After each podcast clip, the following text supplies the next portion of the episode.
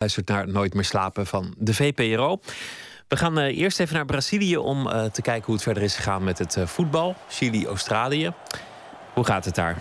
Het was al heel vroeg uh, 2-0 binnen het kwartier. En dat beloofde niet veel goeds voor Australië. Maar inmiddels kijk ik op mijn scherm naar de nodige herhalingen van de aansluitingstreffer van de Australiërs die er 2-1 van hebben gemaakt via de man die toch voor de doelpunten moet zorgen.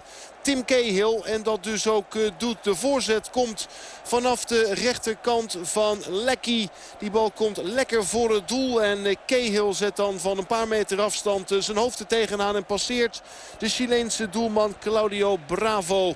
En zo is het toch weer een wedstrijd. Het gas was er een klein beetje af bij de Zuid-Amerikanen. En je voelde dat dit de fase was met ja, een, een, kansje voor de Australiërs om, om iets terug te doen. En dat is dus ook precies wat er gebeurd is in Cuyaba. En zo staat het 2-1. We zitten een minuut of 10, ietsje minder voor de pauze. Die goal viel na 35 minuten. Een minuutje geleden, minuutje geleden van Cahill. Misschien kan er zelfs nog wel meer. Als Cahill opnieuw in balbezit komt de rechterkant van het veld. En die schiet dan op het uitgestoken been van de keeper van Chili. Bravo dus. Die zijn hoeken verkleint. En daar komt Chili toch goed weg. De ploeg die nu wil gaan counteren. Maar inmiddels ziet dat het geel met witte elftal. Gele shirts, gele broekjes en witte kousen bij Australië. Dat dat elftal het heft in handen heeft genomen. En de modus vooruit heeft uh, gevonden. Bresciano op het middenveld. De combinatie die net niet sluit. En dan een stevige ingreep achterin. Meter of tien voor de middenlijn. De Australiërs zijn wat doorgeschoven. Een stevige ingreep daar om een Chileense aanval uh, ja, te onderbreken. Dat lukt. Het is weer een duel. Dat is leuk voor neutrale kijkers. zo zoals ik. Het is 2-1 bij Chili-Australië. En we spelen nog een minuut of 8,5 in de eerste helft. Nooit meer slapen.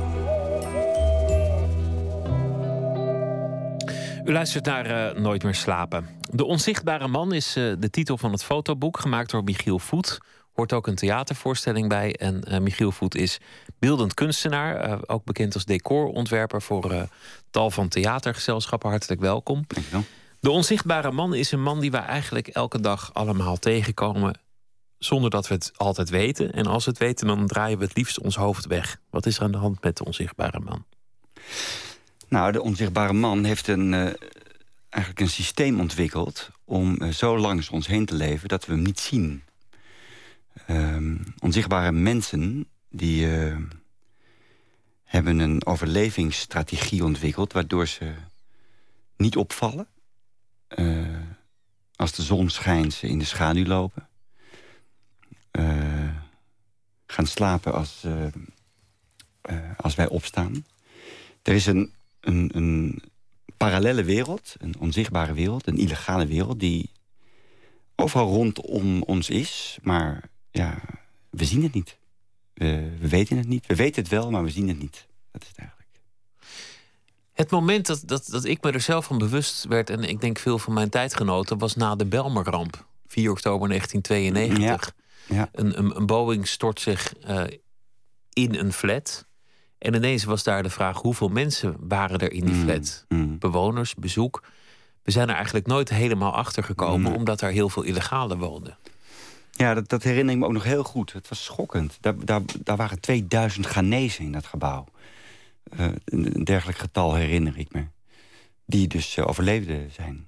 Uh, we, we, zullen het nooit weten hoe nee, het zat. we weten het niet. De, en toen zeiden ze wie, wie illegaal was en zich alsnog meldt omdat hij in het gebouw was, die, die krijgt verblijfsvergunningen. Toen, toen kwamen de touringcars uit alle, alle steden ja. van Europa daar ja. naartoe. Ja. Dat was, dat was, uh, ja. Ja. was bijna kolderiek, maar het was natuurlijk heel tragisch. Ja. Ja. Het gaat dus over, uh, over illegale.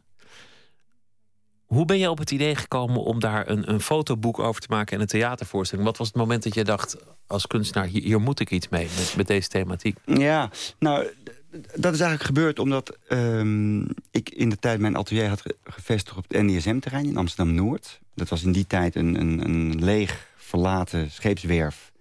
Waar een enkele kunstenaar in de begin jaren negentig naartoe trok om het atelier te openen. En daar woonde ook een aantal illegalen. Uh, er was een klein bedrijfje gevestigd door uh, een Iranier... die um, illegalen aan het werk hielp om uh, kleding te recyclen en te verzamelen in de stad. En daar heb ik deze man ontmoet. En ik heb dus niet besloten op een bepaald moment om een kunstproject te, te maken over een illegaal. Deze Karim Ramtani werd langzamerhand deel van mijn leven... omdat het eigenlijk mijn, mijn buurman was. En, en later dagelijks op mijn atelier een kop koffie kwam drinken... en weer later op mijn atelier ook periode gewoond heeft.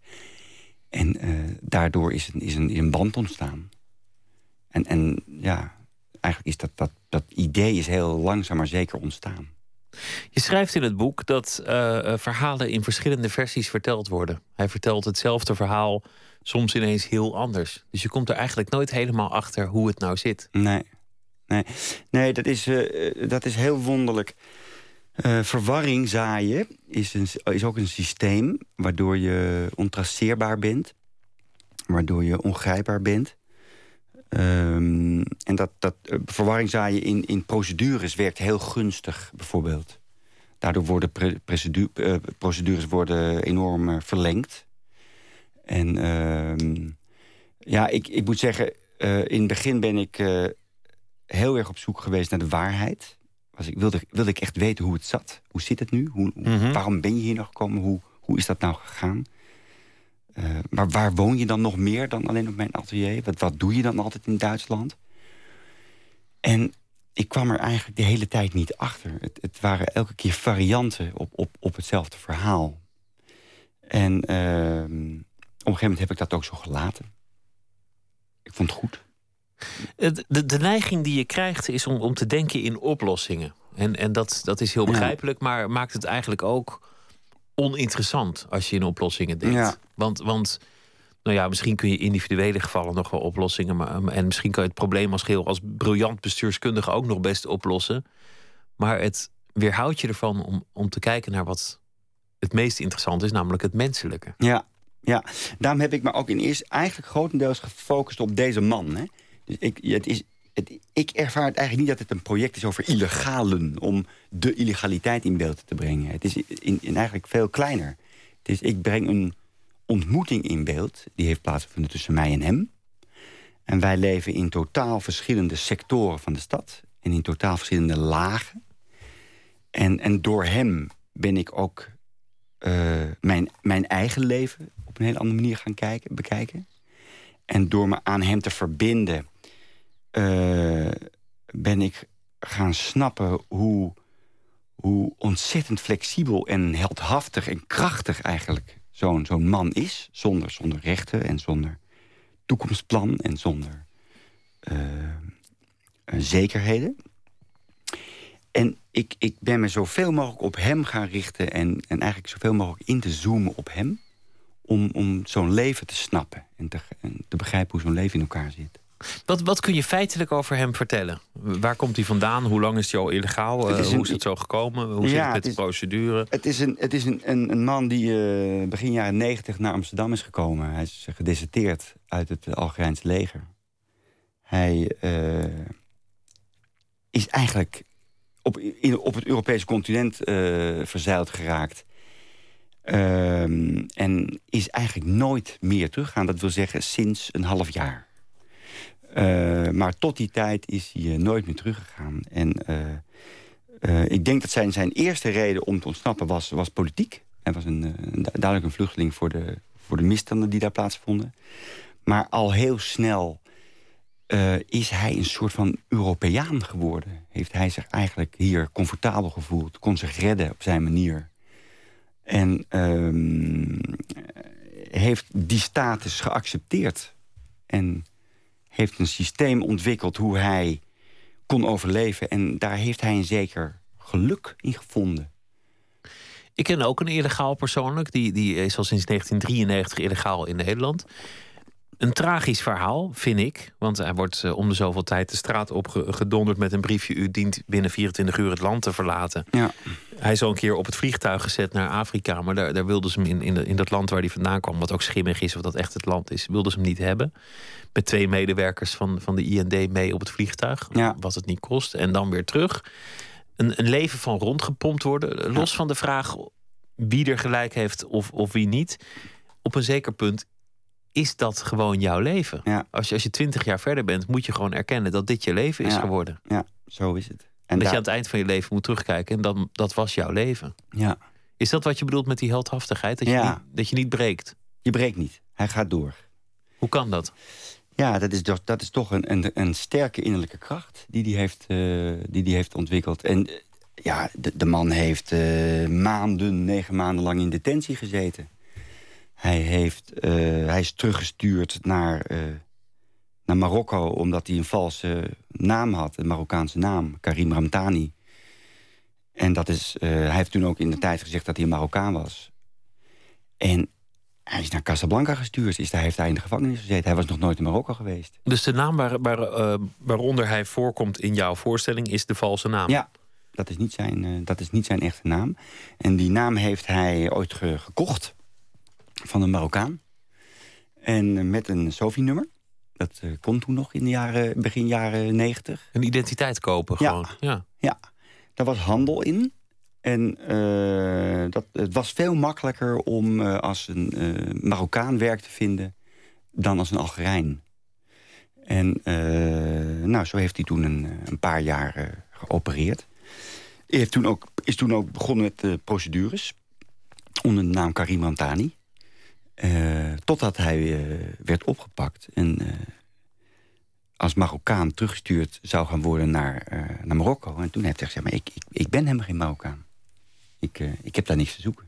Wat, een- wat een bende. Je zei, Ja. net, je zei net dat het je, jezelf veranderd heeft. Door te kijken hoe hij leeft. Ja, Ben je zelf veranderd? In, in welke zin? nou ja, kijk, de problemen en de op- en de, de, de, de barrières die deze man moet nemen om hier te overleven, staan niet in geen enkel vergelijk met de, de, problemen waar wij het over hebben. Het is zo, het is zo onzeker, het is zo rauw. Het is eh, zo fundamenteel overleven. Ja, dat, dat, al het Nederlandse nieuws over, over problemen die wij hier hebben in de samenleving... staan niet in vergelijking met, met waar, waar deze mensen mee eh, te dealen hebben. De illegaal die ik ken, die loopt altijd met een aktekoffertje. Met, met alle papieren van zijn procedure. Omdat als hij wordt aangehouden, hij niet een legitimatie kan tonen. Maar om dan maar meteen de hele correspondentie te laten zien. hoopt hij dat dan de agent afhaakt. Ja, en hem nou, niet dat- oppakt. Ja. En denkt, oh, dit is een kop aan het dossier. Ik, ik Ja. ga verder, ik ga boetes uitdelen. Hmm. Ik, eh, ik, eh, Karim Mamtani heeft afscheid genomen van de procedure op een gegeven moment. Hij, hij is zo teleurgesteld geraakt in, in, de, in de bureaucratie en in de, in de, in de dynamiek van zo'n procedure. Dat duurde zo krankzinnig lang. En ehm, hij heeft op een gegeven moment eh, dat stopgezet. En hij heeft besloten dat niet meer te gaan doen. Eh, heeft gezegd, in Nederland gaat mij dat nooit meer lukken. En hij heeft zijn eh, vizier gericht op Duitsland.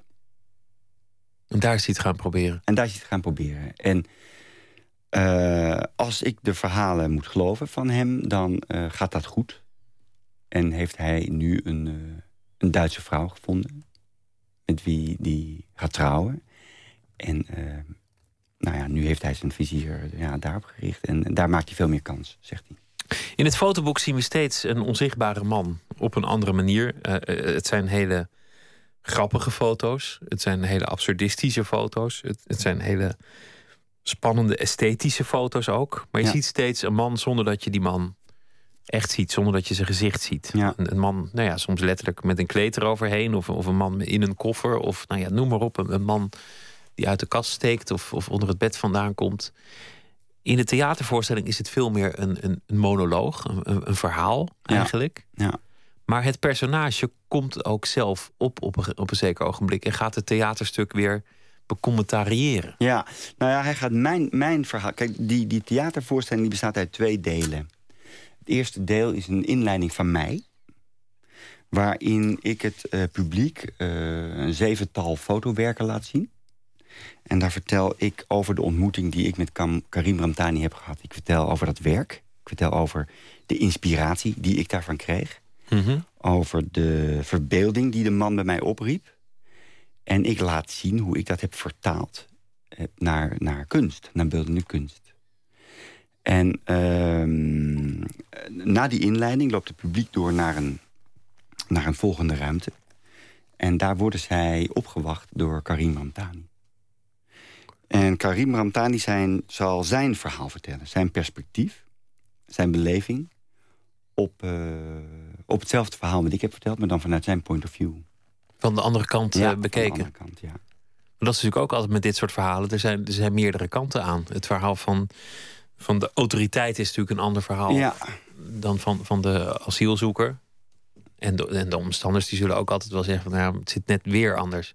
Ja, en het verhaal van de kunstenaar eh, is vaak ook weer heel erg anders. Want de, de, de kunstenaar is uiteindelijk, uiteindelijk op zoek naar, naar sterke beelden. Naar een, eh, een, een, kunstenaar gaat uh, esthetiseren, die gaat stileren. En gaat uh, uit, uit, het, het, het uiteindelijk transformeren tot een, tot een beeld, tot een, tot een sterk beeld. En, en dat is eigenlijk dan het vraagstuk waar de kunstenaar mee te maken heeft. Dus het, het, het wonderlijke is dat dat deze man, die uit het echte leven stapt... Uit het, en, en, en, een illegale man, komt in mijn atelier terecht... en hij verandert daar, als hij voor mijn camera staat... tot een artistiek vraagstuk. Hoe krijg ik dit beeld zo sterk en zo wonderbaarlijk... en zo verrassend als maar kan? En daar moet hij een rol in spelen. Een andere opdracht eigenlijk. Ja. Wat wil je eigenlijk als kunstenaar? Uh, dit, dit, zou je geëngageerde kunst kunnen noemen. Tot op zekere hoogte. Het engagement zit hem, zit hem, zit hem erin dat, dat ik mij heb verbonden aan deze man. En deze man ook aan mij. Dus er is eigenlijk een hele intieme en intensieve band ontstaan. Samen dit soort foto's maken, dat, dat is heel persoonlijk. Dat is het engagement. Op, op die, door dit kunstproject zijn twee mannen... ongeveer van rond de...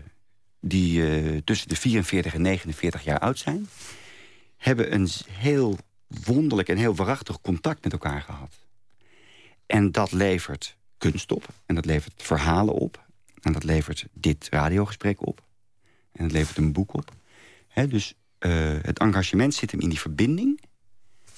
en alles wat daaruit voortkomt. Maar wil je ook iets van het, van het publiek? Want je hebt natuurlijk veel geëngageerde kunstenaars die hopen dat mensen uiteindelijk van mening zullen veranderen of, Ja. of die, die een agenda hebben. Nou ja, ik heb niet de pretentie dat... eh, dat kijk, geëngageerde kunst heeft wel degelijk invloed... op hoe een maatschappij zich kan ontwikkelen. Maar geëngageerde kunst kan de wereld niet veranderen. Dat is natuurlijk te radicaal gesteld. Maar eh, het, het, het, het helpt mee om publiek een, eh, een bewustzijn te vergroten. En dat is goed. En wat, wat, wat wil je van dat, dat bewustzijn? Want ik heb niet de indruk, op basis van, van de tekst van het theater of, of op basis van de foto's, dat je een standpunt inneemt over illegaliteit of over het beleid. Nee, daar gaat, daar gaat dit ook helemaal niet over. Ik denk dat ik wel ik neem wel een standpunt in dat, ehm, eh, dat het ontzettend tragisch en ook buitengewoon schokkend is hoe, eh, hoe wij met deze mensen omgaan. Ik weet, het is geen politiek standpunt, maar dat is een humaan standpunt. En eh, ja, dat, dat het eh, st- eh, strafbaar gesteld werd een tijd geleden. Dat is nu dan weer ongedaan gemaakt. Maar dat illegaliteit in een, in een crimineel hoekje is gezet... dat is natuurlijk schokkend. Dat is een trap na, toch? Dat is een trap na. De mensen zitten hier helemaal niet om het crim- criminelen zijn. De mensen zitten hier omdat ze hopen op een beter leven. Dat is het recht van ieder mens. Ik zou hetzelfde doen. Ik denk dat, hè, dus als je de kans krijgt en je hebt de moed om het te doen, dan, dan doe je dat. dat ehm, en, en daar gaat het werk natuurlijk wel over. Het was zelfs zo, er is sprake van geweest dat hulp aan illegale strafbaar Ja. zou worden gesteld. Ja. Dat vind ik moeilijk, omdat ehm, als je iemand ziet doodvriezen op straat, dan ga je niet vragen naar de achtergrond van zijn verhaal. Kom je Nee. trouwens toch niet achter. Ga je ook niet meer zeggen, je had hier ook niet heen moeten komen, je bent een gelukzoeker. Nee. Dan zie je toch iemand doodvriezen op straat. Ja. ja, het is krankzinnig. En dat zou dan formeel strafbaar zijn. Ja, Is er ook niet doorgekomen. maar, Maar dat, dat geeft wel aan dat, dat je een grens tussen mensen aan het aanleggen bent. ja, maar daar is natuurlijk eh, ongelooflijk veel veranderd de laatste tien jaar in Nederland. In de jaren, in de jaren 70, 80 waren ze welkom, immigranten. En eh, nu de angst is toegeslagen omdat de crisis groter is geworden... willen we er zo snel mogelijk van af. Het is eh, een heel opportunistisch eh, beleid eigenlijk. Ik zei al eerder dat je ehm, kunstenaar bent.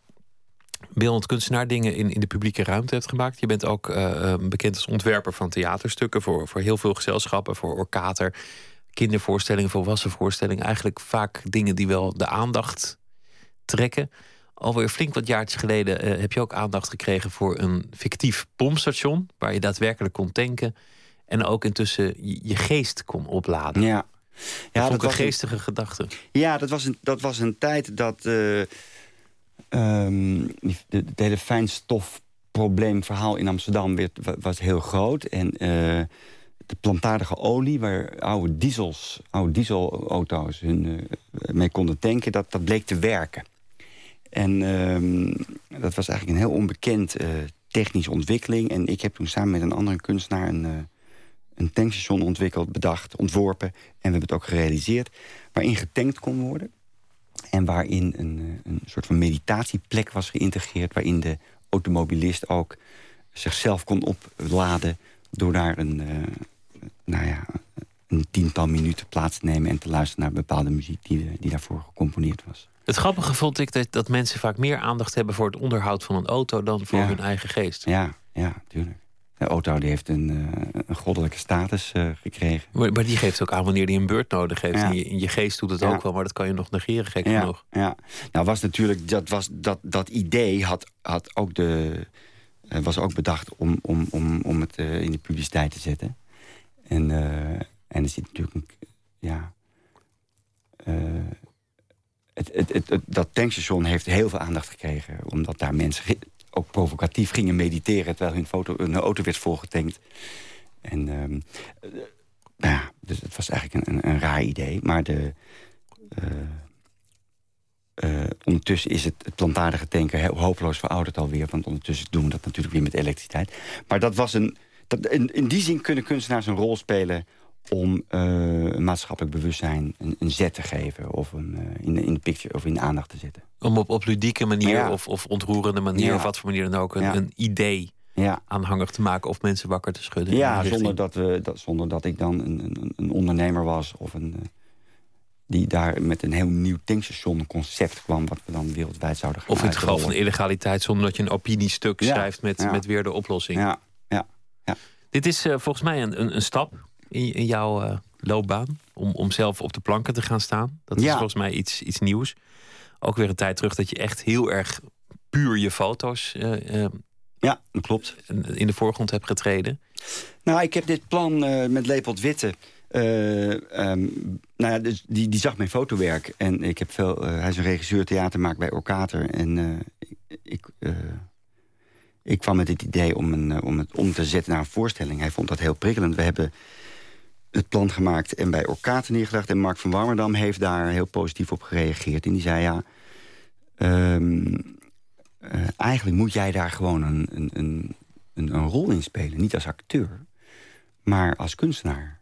Het, uh, het is een persoonlijk verhaal van jou.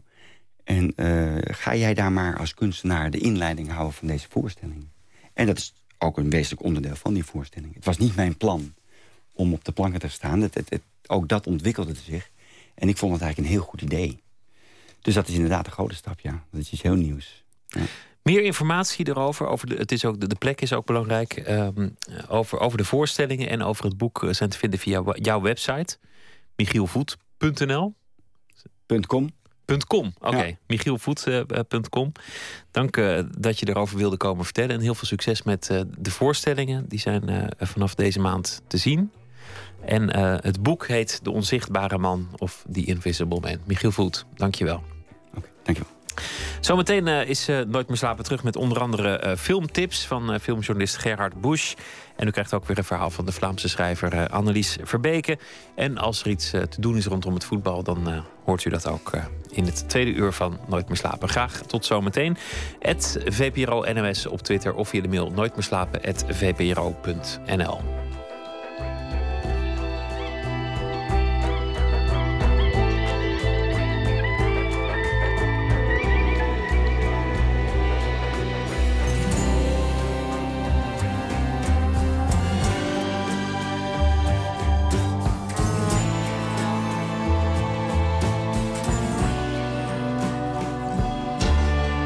Radio 1. Het nieuws van alle kanten.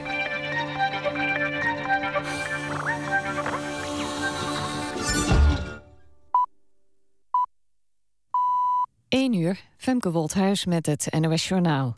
Het Nederlands elftal is het WK uitstekend begonnen. In Salvador werd regerend wereldkampioen Spanje met 5-1 verslagen.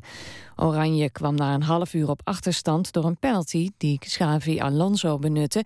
vlak voor de rust maakte Van Persie met een bijzondere kopbal de gelijkmaker. In de tweede helft zette Robben Nederland op voorsprong, maakte de Vrij er 3-1 van en scoorde Van Persie zijn tweede doelpunt. En kort nadat Robben de aanvoerdersband had overgenomen van Van Persie maakte ook Robben zijn tweede goal. En zo werd het dus 5-1. Nederland was uitzinnig van vreugde na de overwinning. Velen hadden het niet verwacht. Op het Museumplein in Amsterdam waren voetbalfans door het dolle heen.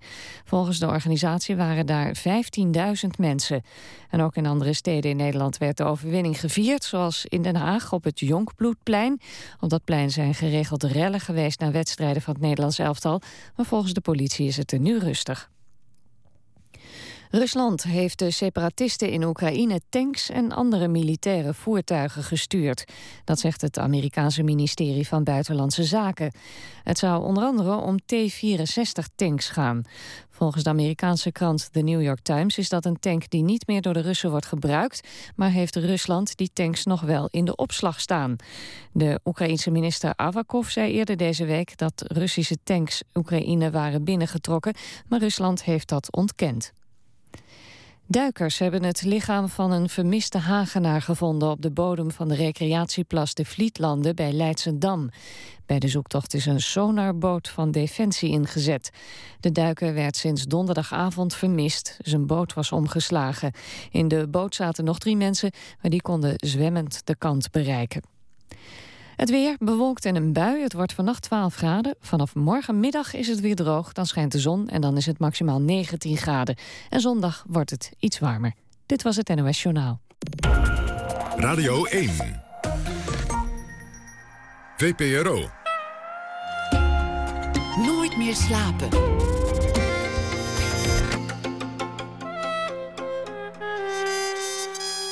Met Pieter van der Wielen.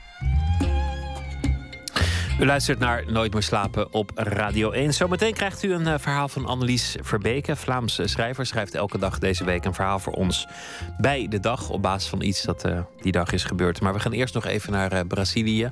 Ragnar Niemeyer. Daar begint net de tweede helft van Australië-Chili. Hoe, hoe ja. gaat het daar? Ja, we zijn eigenlijk iets te vroeg, want de wedstrijd staat op het punt van beginnen. Je zegt het goed onder leiding overigens van een uh, scheidsrechter uit de Ivoorkust. Uh, nou, die heeft niet heel veel gekke dingen gedaan. Het staat 2-1 voor de Chilenen. Die stand... Ja, die was niet echt verwacht toen het al heel vroeg 2-0 was. Maar het werd 10 minuten voor de rust opeens 2-1 via Cahill. En inmiddels voetballen we weer. En volgens mij gebeurt dat in Cuyaba met dezelfde 22 spelers op het veld. 1-0 Sanchez, Valdivia met de 2-0 na 14 minuten. En uh, daarna dus Cahill 10 minuten voor de rust om er weer een wedstrijd van te maken. En ja, de Australiërs zullen weten terwijl de bal achterin wordt rondgespeeld door het centrale duo Wilkinson en Spiranovic dat uh, Nederland de volgende tegenstander is. Ze zullen weten dat Nederland ontketend is begonnen.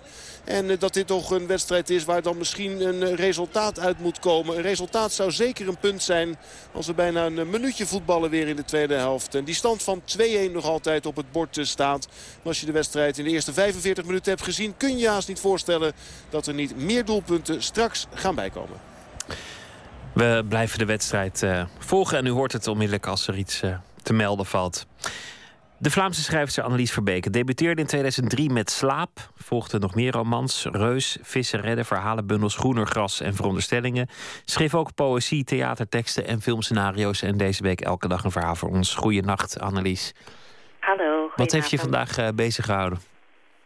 Uh, wel, ik uh, heb uiteindelijk een eposje geschreven in de dactylische hexameter over uh, kleine kinderen die in grote armoede leven. Want zowel in uh, de Standaard als in de Groene Amsterdammer stonden daar artikelen over. En ja, het, het cijfer dat mij het uh, meest verbaasde en, en toch ook wel uh, ja, schokte is uh, dat van Brussel. Daar blijken vier op de tien kinderen in uh, grote armoede te leven.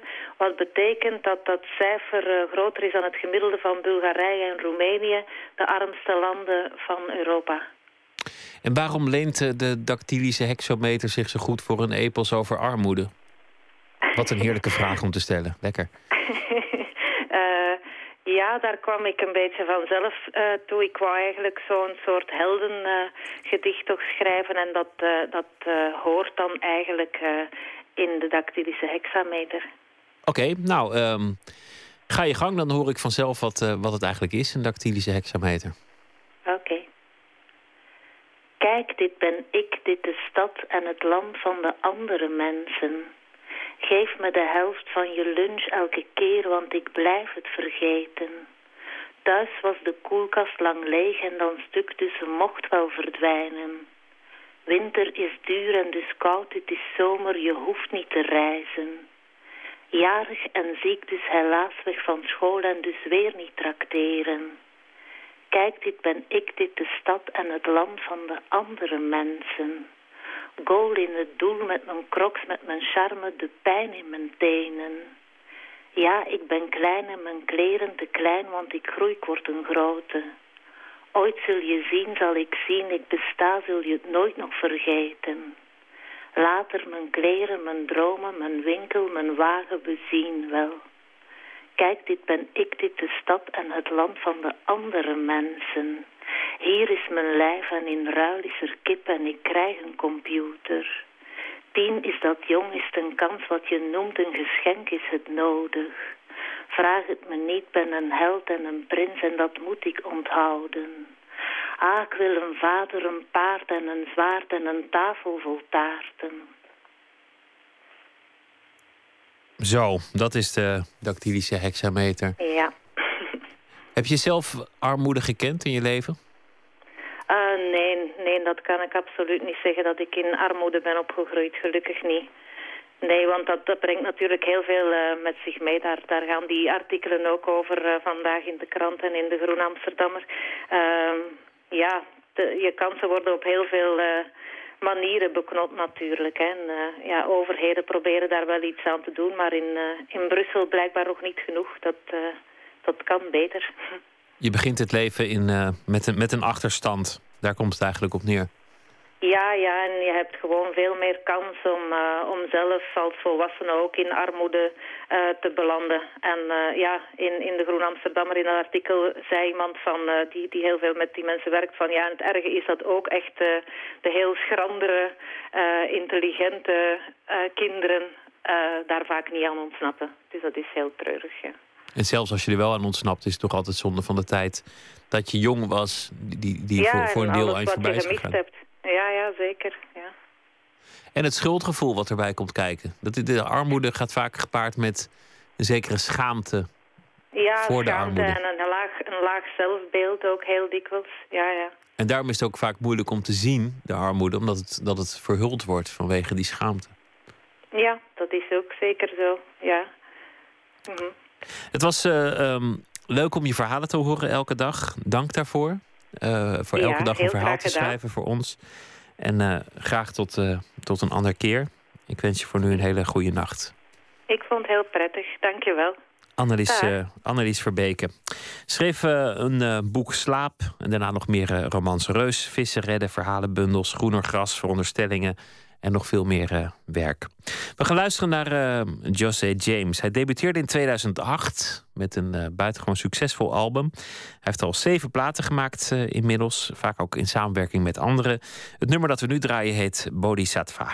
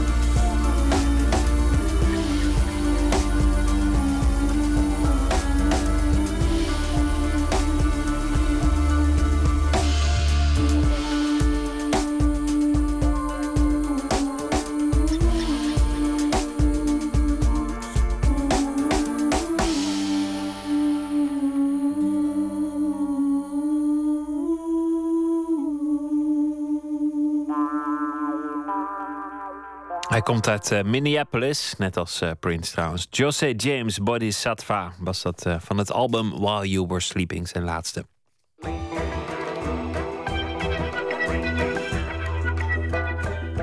We luisteren naar de VPRO op Radio 1. Dichter Remco Kampert, die zelf al 65 jaar publiceert, bespreekt nu het titeloze poëziedebuut van de Deense dichter, Deens-Palestijnse dichter Yahya Hassan die daarmee op zijn achttiende in meerdere Europese landen opschudding heeft veroorzaakt. Hassan is kind van naar Europa gevluchte Palestijnse ouders. Zijn bundel is het best verkochte debuut ooit in Denemarken. Meer dan 100.000 verkochte exemplaren.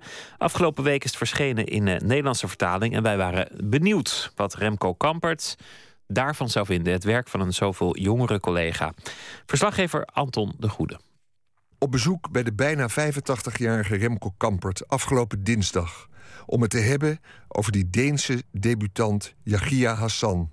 Remco Kampert, die ik om te beginnen vroeg één eigen gedicht te lezen. Het gedicht In Memoriam. In Memoriam. Steeds vaker belt een kant hem op bij een nieuwe dode die hij kende toen tijd nog toekomst had. Uit de lappenmand van zijn memorie diept hij een aardigheidje op. De anekdote waar de krant op wacht. En zo zijn dan de doden en hij nog een laatste keertje nieuws. Tezamen in de wijkende tijd van hun begin. In memoriam. Ik herken mij hierin. Ik heb toen ik je belde dan ook geopend ben ik met de regel er is niemand overleden, waarop jij zei gelukkig. ja, dat klopt, ja. Want uh, ja, de laatste jaar ben ik natuurlijk vaak met zo'n boodschap gebeld... of heb aan ziekbedden gezeten, et cetera. Aan sterfbedden, liever gezegd. En dat, is, uh, ja, dat gaat je niet altijd in de koude kleren zitten. Toch ben je in zekere zin misschien toch blij dat je gebeld wordt. Omdat er dan in ieder geval nog uh, iemand herdacht wordt, toch? Ja, zeker. Dus ik, ik, ik, zeg dan ook nooit... waarom belt u mij in hemelsnaam? Maar natuurlijk, ja. ja. Maar ik vond het ontzettend leuk om nu eens een keer te kunnen bellen... over het feit dat er een nieuwe dichter is opgestaan... En ik was zo benieuwd om daarover te praten. Jij debuteerde in begin jaren 50, denk ik. Hij is nu gedebuteerd. Deze jongen is 18 jaar, was hij toen het bundeltje uitkwam. En ik dacht, misschien vind je het juist ontzettend leuk... om een keer over een jonge collega te praten. Fem børn på række og en far med en køl. Flere grader rig og en pøl af pis. Vi stikker skiftevis en hånd frem for forudsigelighedens skyld. Vijf kinderen op een rij en vader met een knuppel. Veel huilerij en een poel van pis. We steken om de beurt een hand uit. Vanwege de vanzelfsprekendheid. Dat geluid als er een klap valt. Zuster die zo haastig hupt. Van de ene voet op de andere. De pis als een waterval langs haar been. Et slag, et skrig, et tal 30 eller 40 til tider 50. Die bundel lezend en uitgelezen hebben het nu ook. Uh, ja, het komt als een vloedgolf op je over, hè, wat er in die jongen... Uh, uh, ja, begon als een jong crimineeltje eigenlijk. Of hij begon eerst onder een vader die hem continu geslagen heeft, ongeveer.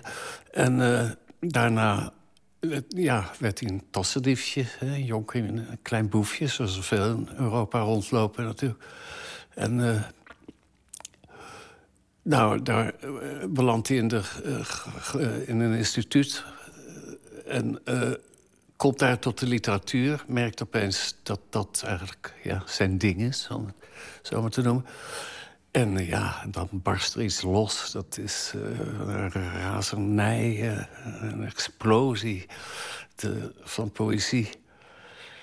En, en die, die jongetjes, hè, die, die, die medeboefjes, die krijgen ook een stem daardoor eigenlijk. Hè?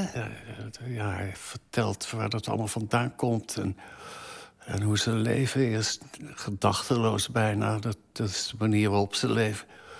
En dan in dat instituut komt hij dan ja, tot inkeer. Klinkt een beetje heilig, hè? maar ontdekt hij de literatuur in ieder geval. En uh, begint dan te schrijven en dat is onvoorstelbaar.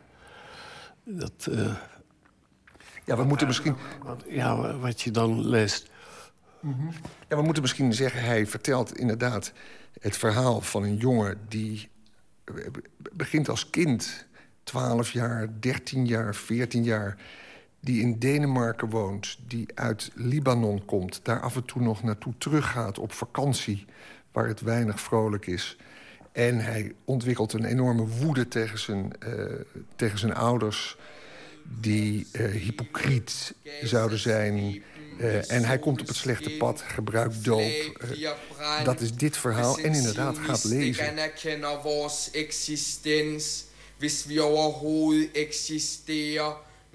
Een moslim uit Gellerenparken weet de weg naar onze portiek te vinden. Leest de brievenbussen en klopt op de deur met de meeste meisjesnamen. Beoordeelt het nageslacht. Wil mijn kleine zusje graag als huisvrouw. Voor haar in een ander betonblok een paradijs creëren. Met Allah als raadgever en 20 jaar leeftijdsverschil.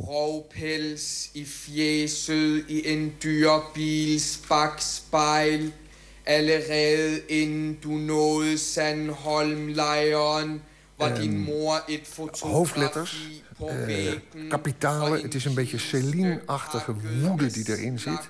Ja, zeker. Ja, ik, ik moest ook aan uh, Jean Genet denken. Bij wanneer die ook een soort misdadig leven had. Of een soort misdadig leven eigenlijk. Maar ook met diezelfde kracht. En een groot schrijver ook, wat deze ongetwijfeld ook is. Je vraagt je af wat hij hierna, want er is hoop ik voor hem een hierna ook, dan uh, gaat doen. Dit, dit is een gedicht. Zo kan het niet verder. Dit is allemaal gezegd. Ik, de, rest, als je doorgaat op die manier, dan wordt het een soort herhaling van zetten volgens mij.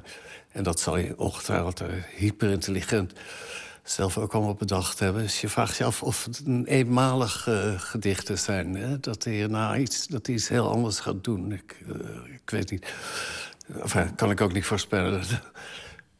Was er een gedicht bij dat je in het bijzonder goed vond? Nou, ik heb er niks echt kunnen uitkiezen. Hè? Dat gaat ineens stroom door. En dat, uh, ja, ik, ik heb eigenlijk geen zwak moment ontdekt daarin. Het is zo sterk. Ja, en dat terwijl het in vertaling tot ons komt. Ja, maar, ja, maar het is heel goed vertaald, vind ik. Hè? Ik moest even aan Ramsi Nasser denken. Met zijn Mie-gedicht. Uh, Rotterdamse... ja, ook immigranten, jongens. Eigenlijk, dat is... Uh, Ramsi zou dat mooi kunnen lezen, lijkt mij. Bare met og joggingtøj. Telefoon uit het Midden-Oosten. Ik weet niet wie ze zijn. Tantes en ooms. Als we elkaar ooit hebben ontmoet, was ik te klein om me het te kunnen herinneren. En nu bellen jullie via een verre verbinding, met oorlog en zonnestof in jullie stem. Het gaat goed op het internaat, een sociaal-pedagogisch instituut.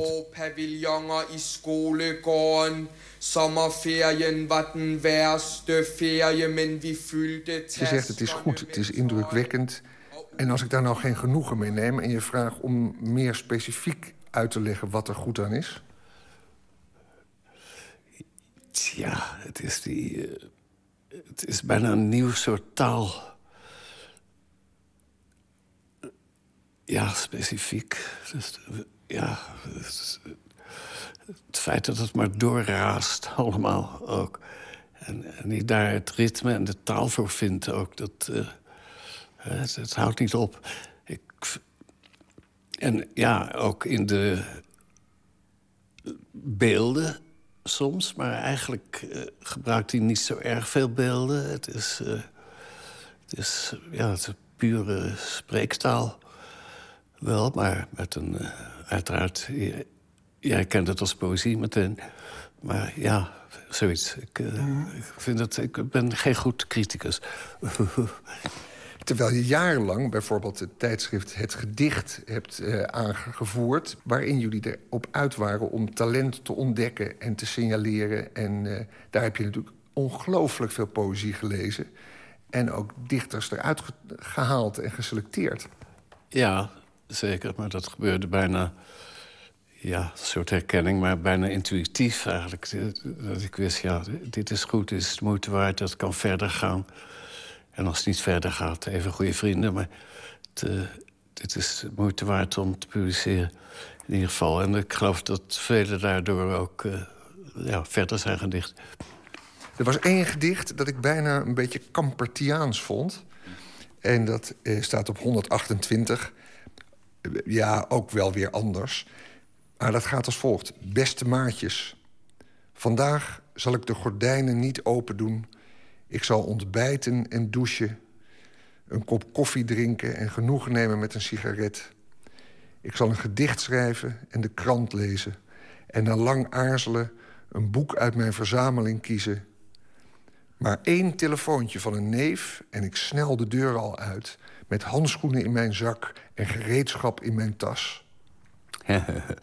ja, ja. Nou, de, ja, dat herken ik wel iets in, ja. Maar dat is een zeldzaam rustpunt in zijn poëzie. Want in andere gedichten gaat hij weer als een mitrailleur uh, tekeer. Hier zit ook die omkering en, uh, en humor in, hè? dat heeft hij ook. Ja, ook dat nog.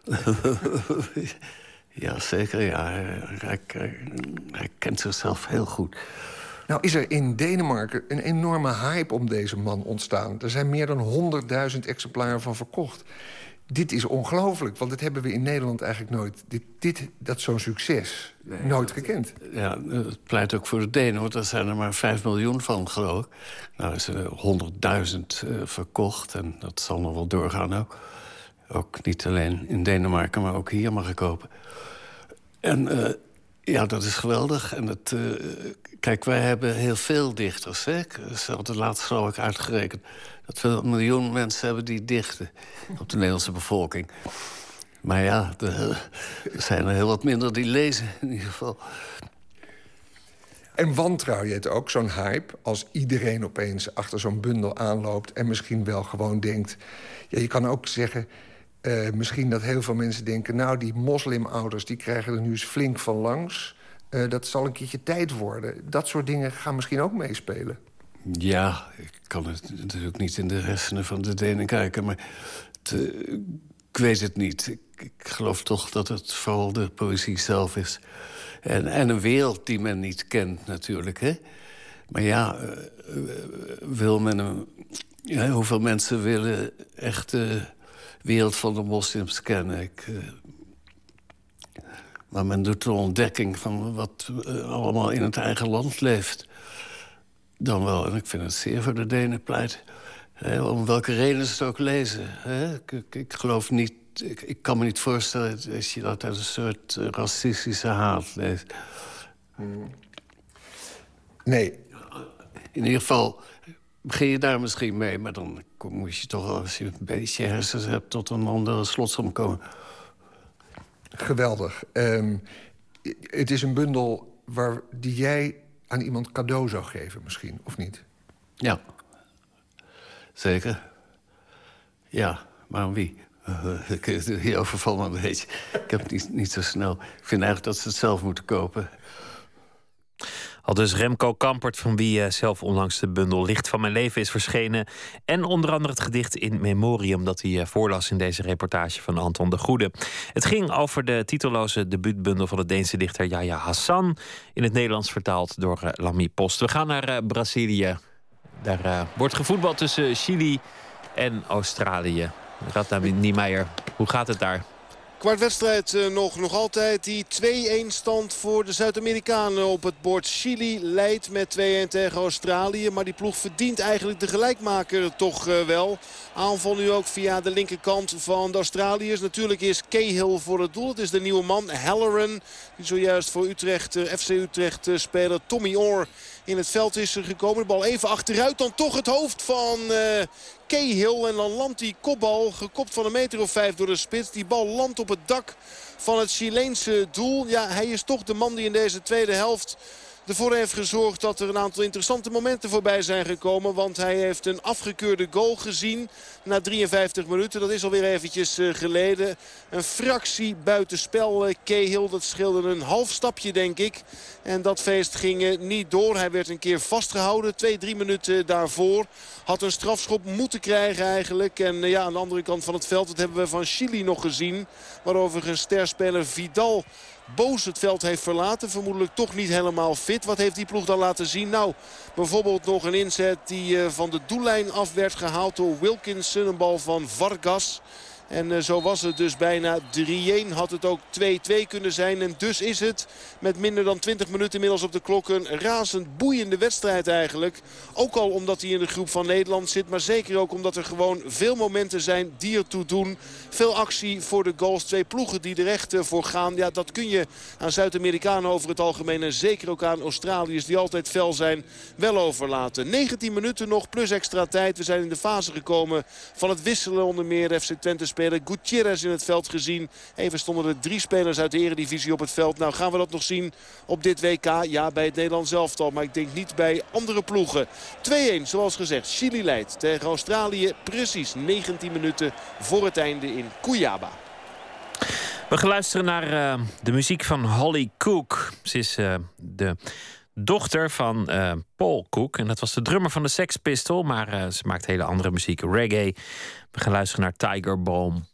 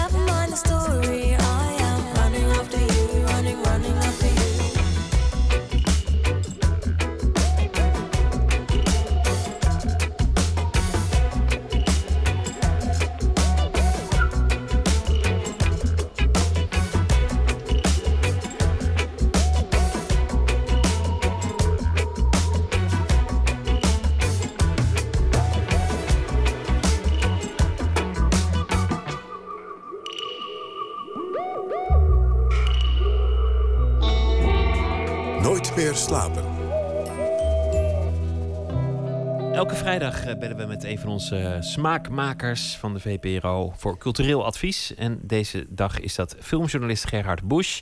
Hij werkt voor cinema.nl en de VPRO-gids. Eh, Goedenacht, Gerhard. Goedenacht. Laten we beginnen. Hele goede nacht. 5-1. 5-1, ja. ja. Het was een mooie wedstrijd. Leuk, leuk om naar te kijken. Zeker. We gaan het hebben over de, over de film. Uh, Filminstituut ja. AI presenteert uh, vanaf volgende week een tentoonstelling en een soort retrospectief rondom David Cronenberg. Cronenberg moet ik waarschijnlijk zeggen. En David dan ook maar, toch? Ook maar gewoon Canadees, David. dus uh, hij maakt films in het Engels, dus David Cronenberg lijkt mij. Oké, okay, dat doen we. Kruisberg. Bekend van, uh, van onder andere The Fly, alweer, alweer een tijdje terug, maar, maar uh, een geweldige film. Nog, een, nog een paar an andere films. Wat, wat vind jij zo bijzonder aan zijn werk? Nou, het grappige is, hij is eigenlijk heel klein begonnen. Toen Canada nog nauwelijks een filmgeschiedenis had. En toen, toen maakte hij een aantal, uh, wat we later zijn gaan noemen, body horror films. Dat zijn films waar heel erg het, het lichamelijk verval en, en, en uh, mutaties en transformaties in centraal stonden. En daarmee speelde hij zich in ieder geval in de kijker van de, van de cultfilmliefhebber. Maar daarna, en dat is ongeveer rond The Fly, waar jij het net over had, dat is een beetje zijn laatste horrorfilm toen is hij overgestapt op wat meer een soort interne horror. En in dat genre heeft hij ook weer heel veel goede films gemaakt. Meer psychologische horror. En het is, een, uh, het is echt wel een, een, regelrechte auteur... die ook regelmatig in Cannes zijn films mag presenteren. Maar wacht even, voor body horror, dus je, je lichaam verandert zonder dat jij dat wil... en je wordt een vlieg, dat, dat is duidelijk. Maar wat is dan interne horror? Nou, het is meer psychologische horror. Dus dat, dat, dat het problemen, die, zoals bij Dead Ringers bijvoorbeeld, dan is er dan, dat zijn dan twee tweelingen die eigenlijk, uh, laten we zeggen, één ziel hebben, maar twee lichamen. En, en dan de een uh, uh, verbiedt de ander eigenlijk te leven of gunt de ander niet te leven. En die ander voelt zich daar ook heel erg schuldig op. Dan komen de gevaren minder van buitenaf, maar meer van binnenuit. En dat, dat geldt eigenlijk ook voor History of Violence, een hele mooie film. En, en Eastern Promises dan zit het, het gevaar schuilt meestal in de mens zelf. In, in de geest van de mens zelf. Terwijl bij al die body horror films kwamen de gevaren vaak van buiten. Uh, een teleportatie die misgaat omdat er een vlieg in de cabine zit. Uh, parasieten hebben we gehad. Een, een vrouw met een penisachtige uh, onder de oksel die mannen doodmaakt daarmee op de een of andere manier. Dus dat, dat was meer van buitenaf. Maar de horror van binnen, dat is meer van de laatste tijd. Nou ja, van die horror van buiten, daar zijn natuurlijk prachtige requisieten van te zien. Die, die kun je zien op, uh, op de tentoonstelling in AI. Uh, vliegen, ja. vliegenpoten en dat object van onder het oksel waar je een man mee kan vermoorden. Zal er ongetwijfeld ook te zien zijn. Er komt er ook nog een nieuwe film in augustus van Cronenberg. Ja, ik... Maps to the Stars. Maps to the Stars. Hij draaide ook dit jaar in Cannes. Uh, redelijk ontvangen, niet slecht. Uh, grappig. Iets meer aanval op, uh, op de leegheid van Hollywood. hij is een Canadees maar, en heeft dus nooit in Hollywood gewerkt. Heeft op een gegeven moment wel redelijk bekende films gemaakt. Maar allemaal buiten Hollywood om. Dus dat hij een beetje... dat hij Hollywood niet hoog heeft zitten, dat, dat wisten we al. En dat laat hij in deze film laat hij dat nog eens even heel goed zien. Met Julian, met Julian Moore, dat is altijd een aanbeveling. Ja, zeker een aanbeveling. Hoewel Julian Moore staat meestal gelijk aan huilen. En daar moet je ook maar zin in hebben. Op een gegeven moment word je ook wel gek van die tranen. Maar ze is, is ook wel weer heel aanwezig in deze film. Ik moet niet te veel verklappen, want hij komt nog in de bioscoop. Maar hij... Uh, hij, is, uh, hij is te doen, begrijp ik. Hij, hij is zeker te doen en geen... Uh, ik bedoel, te doen zei je toch, of niet? Ja, te doen. Ja, ik weet niet precies wat je mee bedoelt. Of die, of die eng is of, of smerig of iets uh, dergelijks? Of? Nee, uit te zitten. Dat is eigenlijk gewoon het criterium oh, te ja, doen. Zeker. Is gewoon dat je het einde haalt. Oké. Okay. Nee, dat, de meeste films zijn wel te doen hoor, gelukkig. Gelukkig. Waar wij het over hebben, zeker. Joe, uh, een nieuwe film van David Gordon Green met Nicolas Cage dan. Nou, als we het over te doen hebben. De meeste films van Nicolas Cage de laatste vijf jaar waren niet te doen. Die waren eigenlijk te slecht. Slechte horrorfilms, slechte actiefilm, slechte comic-verfilmingen. Allemaal heel uh, duidelijk dat hij daar voor de centjes ging. Maar in deze film, Joe, van uh, Henry David Green... en dat is, dat is uh, of nee, David Gordon Green, sorry. En dat, dat is een hele kleine film, waar hij ook heel weinig geld voor kreeg. Dus dan weet je wel dat hij het deed omdat hij het mooi vond. En het is gelukkig voor hem was het ook een hele mooie rol. Een alcoholist die, die weet je, in de marge van de maatschappij is verdwenen... maar dan de zorg voor een beetje naïeve tiener op zich moet nemen... die dan weer een gewelddadige vader heeft. Je weet wel, het is een beetje het, indie, Amerikaanse indie filmverhaal. Maar heel mooi gedaan en heel mooi, mooie observatieve film. En, en, Cage is beter dan, nou ja, dan we de laatste jaren van hem gezien hebben. Dus een beetje een comeback van uh, Nicolas Cage in die film. Nicolas Cage is ook altijd, vooral vind ik, heel goed als anti-held. Beter dan wanneer hij echt een held is. Heel goed. En het probleem is dat hij de laatste tijd vrijwel uitsluitend helden speelt. En daar is hij inderdaad totaal saai. Want hij, hij smiert dan wat en hij, uh, het is allemaal over de top. Het is ja, heel soms kan je dan lachen, maar zelden is dat de bedoeling. Het is en hier is hij juist enorm ingehouden. Maar die kracht die hij toch altijd uitstraalt. Vandaar dat hij natuurlijk heel vaak een held moet spelen. Maar ook als hij een anti-held is, dan heeft hij die kracht nog steeds. En dat geldt voor deze film dus heel sterk. Nog, uh, nog één film dan, uh, Europees. De Gebroeders Dardenne. Bekend van uh, La Promesse en Le Gamin en Vélo. Nou ja, allemaal hele indrukwekkende films. Komen met een nieuwe film. Hoe ja. is die? Deux jours, une nuit. Eigenlijk werken ze het liefst met non-professionals, dus amateur acteurs. Maar in de laatste tijd lijken ze wel de professional te hebben ontdekt. Want in die Le, Le Gamin Vélo, Vélo, The Kid with the Bike... speelde al een actrice mee, Cécile de France. Een echte actrice, zal ik maar zeggen. En nu weer Marion Cotillard. En dat is niet zomaar iemand. Het is misschien wel de beste Europese actrice die we nu hebben. Misschien wel de beste actrice van het moment. En dat dat kan je eigenlijk, dat zie je ook in de film. Het is, uh, het is een hele mooie film over een, over een werknemster die alleen haar baan kan houden als uh, de collega's afzien van een bonus. Ja, een bonus van... klassiek ethisch dilemma. Van jij je bonus inleveren en je collega de baan redden. Z zij gaat lobbyen. Zij gaat uh, alle collega's af en ja, maar doet ze in feite bijna tegen haar zin. Het is dat haar omgeving haar dwingt dat te doen. Zij zelf heeft het al lang opgegeven. En het mooie is niet zozeer wat de uitslag is, vanuit uiteindelijk, hè, of ze het wel of niet redt, maar dat ze het probeert. Dat is, dat is het mooie van deze film. En dat wordt door haar heel erg sterk gespeeld. Want zij kan en die kwetsbaarheid spelen, maar ook die, die strijdvaardigheid enzovoort. Dat is, zou misschien voor een non-professional ook wel heel erg moeilijk uh, worden. Om zoveel verschillende emoties te spelen. Meestal worden non-professionals gecast omdat ze het type heel erg kunnen spelen of zijn vaak.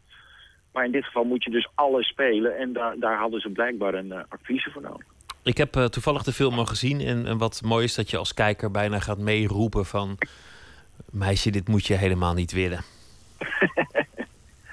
ja, ja. Ja, maar ja, de, was je, ja, we kunnen zo weinig over het einde zeggen. Maar... Zullen we het gewoon niet doen, het einde verklappen?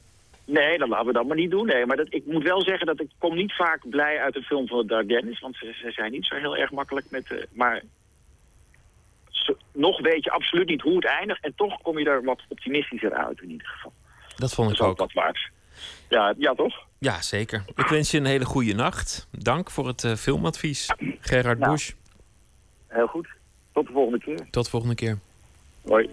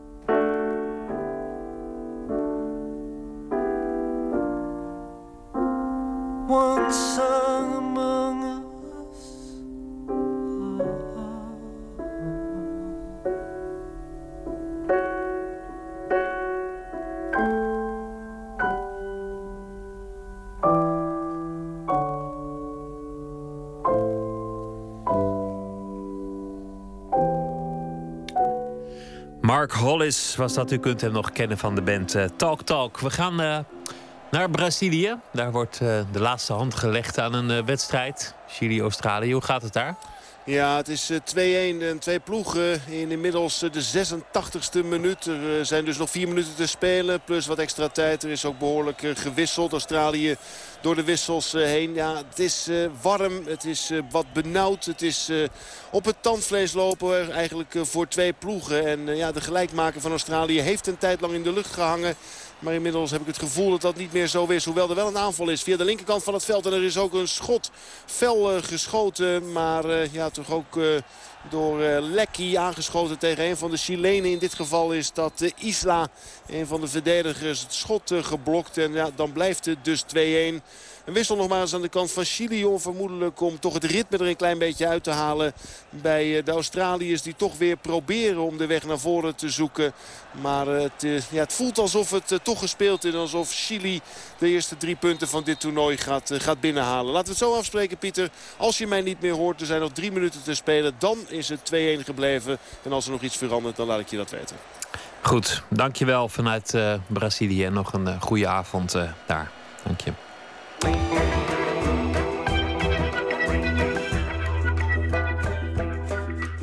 In het museum Jan Kuhne in Os opent dit weekend de tentoonstelling Almost Nature met de landschapsfoto's die Gerco de Ruiter in de afgelopen tien jaar gemaakt heeft. Verslaggever Gijsbert van der Wal liep vast door de tentoonstelling, vergezeld door de fotograaf. Ja, je ziet een, uh, eigenlijk een groot zwart naar groen neigend vlak met witte lijnen daarin.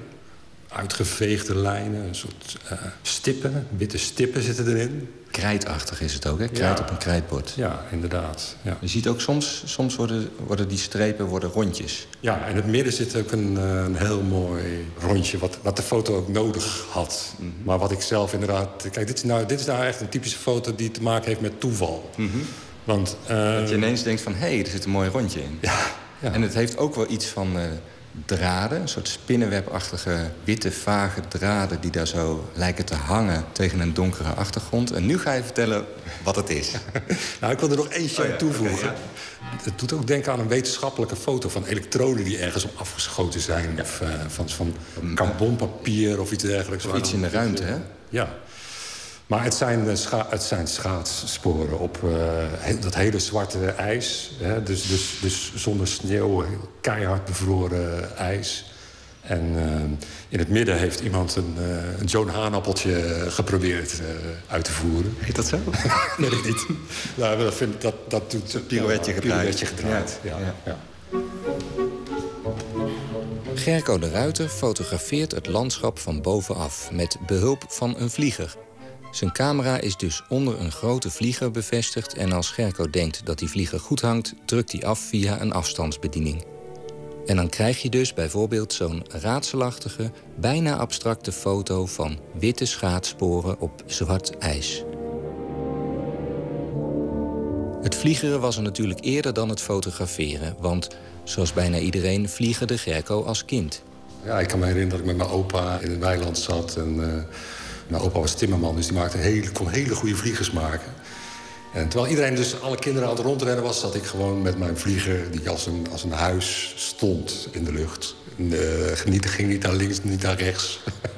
Maar dat was dus te danken aan je opa? ja, ja, ja, dat was vooral te danken aan mijn opa, ja.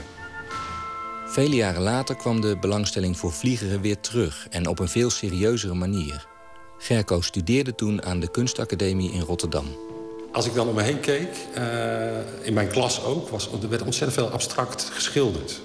Die schilderijen die gingen, werden ook steeds omgekeerd. Weet je wel. Het was, eigenlijk was er geen onderwerp. Het ging echt om, om kleur en om... eh, Vlakverdeling ja, en zo. Ja, hoe, hoe, hoe, hoe, dat ontstond. Dat ontstond vanzelf. En ik, kon er, ik werd daar een beetje... eh, nou, ik kon er niet zo goed tegen. Ik dacht van ja, het, moet, het schilderen moet ergens over gaan. Het moet een onderwerp hebben. En toen kwam ik een boekje tegen in, eh, in Den Haag bij een eh, vliegenwinkel. En dat heette Fotograferende Vliegers. En toen dacht ik van, oh ja, er stonden wat foto's in van een weiland bijvoorbeeld. Met een hekje en eh, een kwelder kan ik me herinneren. Ergens in Zeeland gemaakt. En toen dacht ik van, ah ja, maar het, dat is dus bijna, het werd bijna abstract. Terwijl het wel uh, een werkelijkheid uh, liet zien. Hè? Het was een, maar, het was een foto van een landschap. Maar dat fotograferen met behulp van een vlieger heb je dus helemaal niet zelf bedacht? Nee, nee, nee, nee dat, dat, dat bestaat al heel erg lang. Dat is echt, uh, kijk, er is een tijd geweest dat er geen vliegtuigen waren. Dus dat je niet kon... vanuit een vliegtuig kon je niet fotograferen. Maar er was wel al fotografie. Hè? Ik bedoel, fotografie is al 1850 af. Dus mensen zijn meteen al begonnen met experimenteren. Wat kunnen we daarmee? Kunnen we niet een camera uh, de lucht in uh, laten stijgen. Met een raket werd dat gedaan. Of met uh, luchtballonnen. Ballon, precies. Nadar, Zeppelins. ja, alles wat vloog, dat, daar werden ook camera's onder gehangen. Ja. Totdat die vliegtuigen kwamen en eigenlijk die hele techniek een beetje in de vergetelheid. ja, en toen kreeg je de echte luchtfotografie met helikopters en zo. Ja, en, natuurlijk. En er was allemaal veel... dat, dat, dan wist je tenminste wat je had. Maar eigenlijk ben je dus teruggegaan naar een beetje een ouderwetse vorm van luchtfotografie. Ja, eigenlijk wel, ja. ja, ja. vliegers. Ja. Is het inmiddels niet een beetje ingehaald door de drones? Ja, ja dat, dat hoor ik ook vaak. Als ik nu met een vlieger en mij dat staat... Dan, oh, dat gaat toch ook met een drone? Dat is toch veel makkelijker? Een drone, ja. Een drone. Nou ja, kijk, uh, dat is natuurlijk wel zo, maar... Uh, de lol van het, uh, tenminste vind ik, van het, van het maken van een foto... is ook de stilte om me heen. Hè? Ik bedoel, zo'n drone, man, man, man. Die Zo'n motortje, hè? Zo'n motortje. En een batterij die opra opraakt en binnen 20 minuten de hele boel weer uh, op de grond uh, zet. En die camera's die ik gebruik, die zijn natuurlijk ook wel iets professioneler... als zo'n klein GoPro-cameraatje of zo, wat, wat onder zo'n drone gaat. Dus voor wat ik doe, heb ik dan eigenlijk wel weer een, een flinke drone nodig. En, dan kun je net zo goed een vlieger nemen. Ja, ja, ja. ja.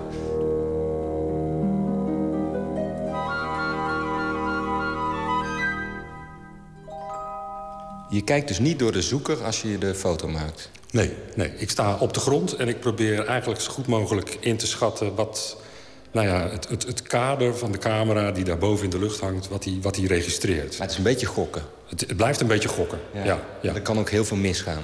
Er kan heel veel misgaan, ja. Ik kan me voorstellen dat bijvoorbeeld... je weet niet of een foto overbelicht is of onderbelicht... Nee, maar ik, ik, ik, werk, ik werk nog analoog. Hè? Dus ik werk met uh, rolfilm. Uh... Nou ja, des te erger. Dan zie je het pas veel later of die overbelicht of onderbelicht is. Ja, maar film heeft wel een hele grote marge. Dus als het uh, ontwikkeld is, dan, is het, dan, dan heb ik wel... Kijk, ik, ik kan wel drie stoppen overbelichten. En dan is het nog bruikbaar. Ja, ja. Dus, dus... Want een negatief uh, slaat veel meer informatie op dan, Ja. een, dan een digitaal bestand. Ja, ja, dat klopt. En, en een negatief is eigenlijk een half fabrikaat. Daar kan je nog, half fabrikaat, Daar kan je nog alle kanten mee op. Ja, ja. Alles zit erin. Is dat ook een reden om analoog te blijven werken? Nou, ja, het wordt wel steeds lastiger om uh, films te ontwikkelen. Uh, er zijn eigenlijk niet zoveel mensen meer die dat doen. Mhm. Tenminste, niet op een professionele manier uh, films ontwikkelen. Dus dat wordt inderdaad wel steeds lastiger. En uiteindelijk zal, misschien ook wel een keer, zal ik misschien ook wel een keer de overstap naar digitaal maken. Ja, maar je bent gewoon overal een beetje langzamer in. Ik bedoel, wij zijn al lang bij de vliegtuigen en de drones... en jij bent nog met vliegers bezig. En de digitale fotografie die ontdek je over twintig jaar of zo. Ja, misschien wel, ja. Ik hobbel er een beetje achteraan. Ja, ja het, is, het klinkt allemaal heel erg omslachtig. En dat is het misschien ook wel. Maar ja, jij, jij moet die omslachtigheid om de een of andere reden aantrekkelijk vinden. Ja, omdat je de tijd neemt. Het is niet heel erg doelgericht wat ik doe.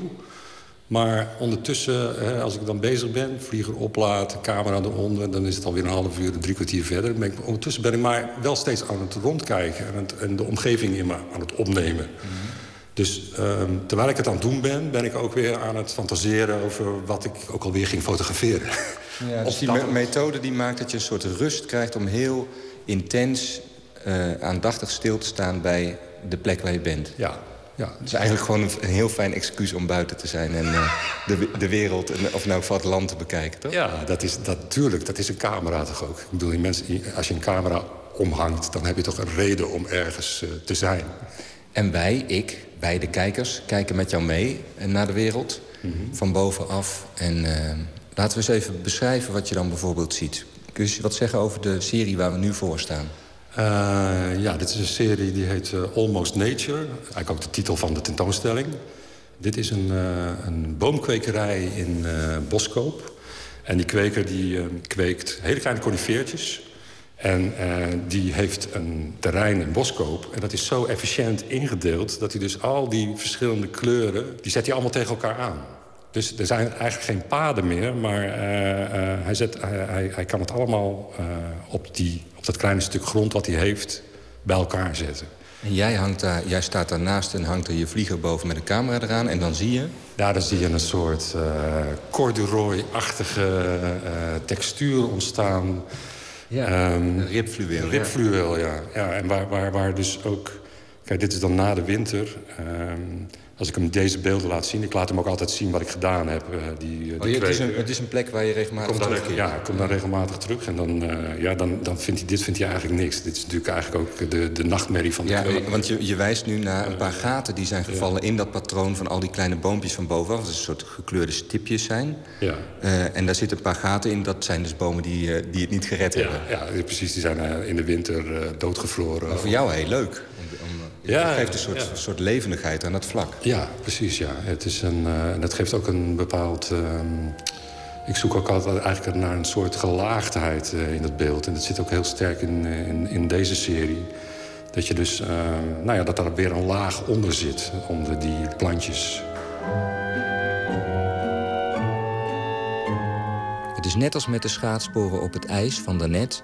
Je weet niet wat je ziet. Of in elk geval niet meteen. Pas na een tijdje en van dichtbij dringt het tot je door dat je naar plantjes of boompjes kijkt en dat dat blok met kleurbanen op de foto dus een veld is, van bovenaf gezien.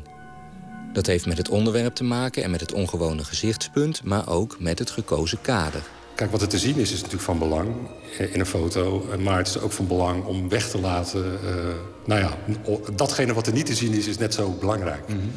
Dus, nou ja, en dat is ook belangrijk, omdat, jij met, omdat je veel aan het toeval overlaat... hangt er ook erg veel af van je selectie achteraf... of het later een beetje anders uitkaderen enzovoort, ja, hè? Ja, tuurlijk. Ja. Uh, uiteindelijk die informatie die je krijgt hè, die, van, van de opname... Uh, dan, dan begint het. Ik bedoel, dan begint ook het, uh, het zoeken naar een... een nou naar een bepaalde variatie in beeld die je kan, die je kan laten zien. En dit is natuurlijk ook niet een, uh, het resultaat van één keertje een dagje daar uh, foto's maken. Mm -hmm. Dus daar zit alweer een heel proces aan vooraf. Uh, van foto's die mislukt zijn of niet te gebruiken zijn. dus, dus dat ontwikkelt zich ook aldoende. Het zijn vierkante foto's en daarbinnen zitten ook weer vierkanten en blokken kleur. Mm -hmm. Dus het worden een soort abstracte composities. Een beetje Mondriaan-achtige met veel rechte lijnen. -hmm. Uh, gekleurde vlakken.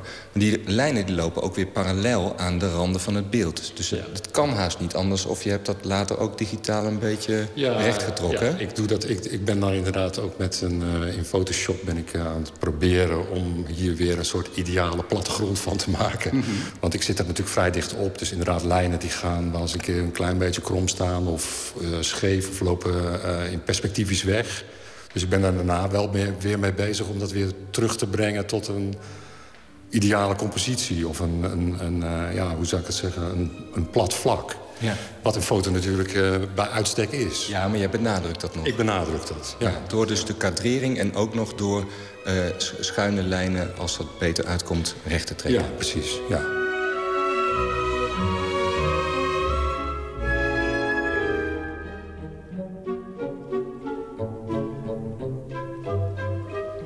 Maar het wonder is... Uh, dit is een overzicht van ongeveer tien jaar, hè? Wat je, ja. Foto's ja. Uit, uit de afgelopen ja. tien jaar.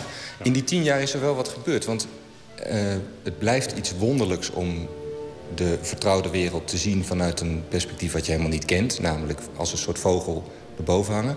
Maar dat perspectief wordt ons toch steeds minder vreemd. Want we kennen inmiddels allemaal onze eigen woonplaats... Uh, van Google, Google Earth. Ja. Ja. Dus wordt een, het, het, het, ja, het, wonder wordt iets minder. Dat is waar. Ik denk ook dat ik in die loop der tijd eigenlijk steeds dichterbij ben uh, gekomen. In het begin wilde ik eigenlijk met die vlieger en die camera zo hoog mogelijk... om maar zoveel mogelijk in beeld te krijgen. Om dat overzicht uh, te laten zien. Maar ik denk dat ik eigenlijk... Uh, en dat heeft denk ik ook wel te maken met Google Earth. Dat, ik, uh, ja, dat overzicht, dat is er. Dat, is, ja, dat doet die satelliet al voor ja, jou. dat doet die satelliet, ja. En, en, vliegtuigen doen dat ook heel erg goed. Dus, dus die verwondering die zit nu eigenlijk steeds dichterbij. Ja, ja, dus een beetje inzoomen en dan weet je niet meer precies waar je naar ja, kijkt. Ja, eigenlijk wordt, wordt, die, wordt, dat, wordt, dat, wordt, wordt dat, die, die, die, dat speelveld, als het ware, dat wordt eigenlijk steeds kleiner. En, uh, je bent geen hoogvlieger meer. Nee.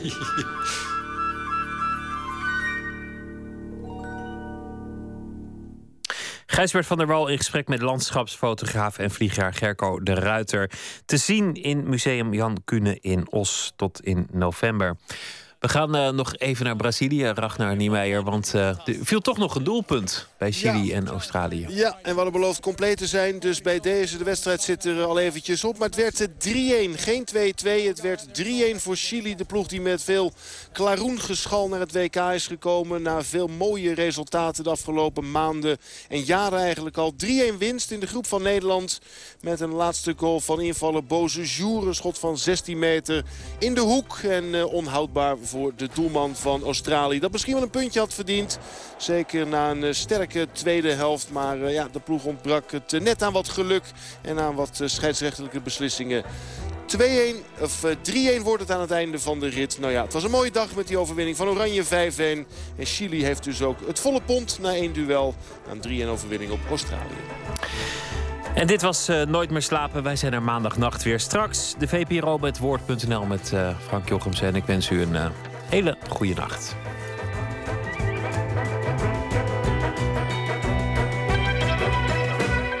Op Radio 1, het nieuws van alle kanten.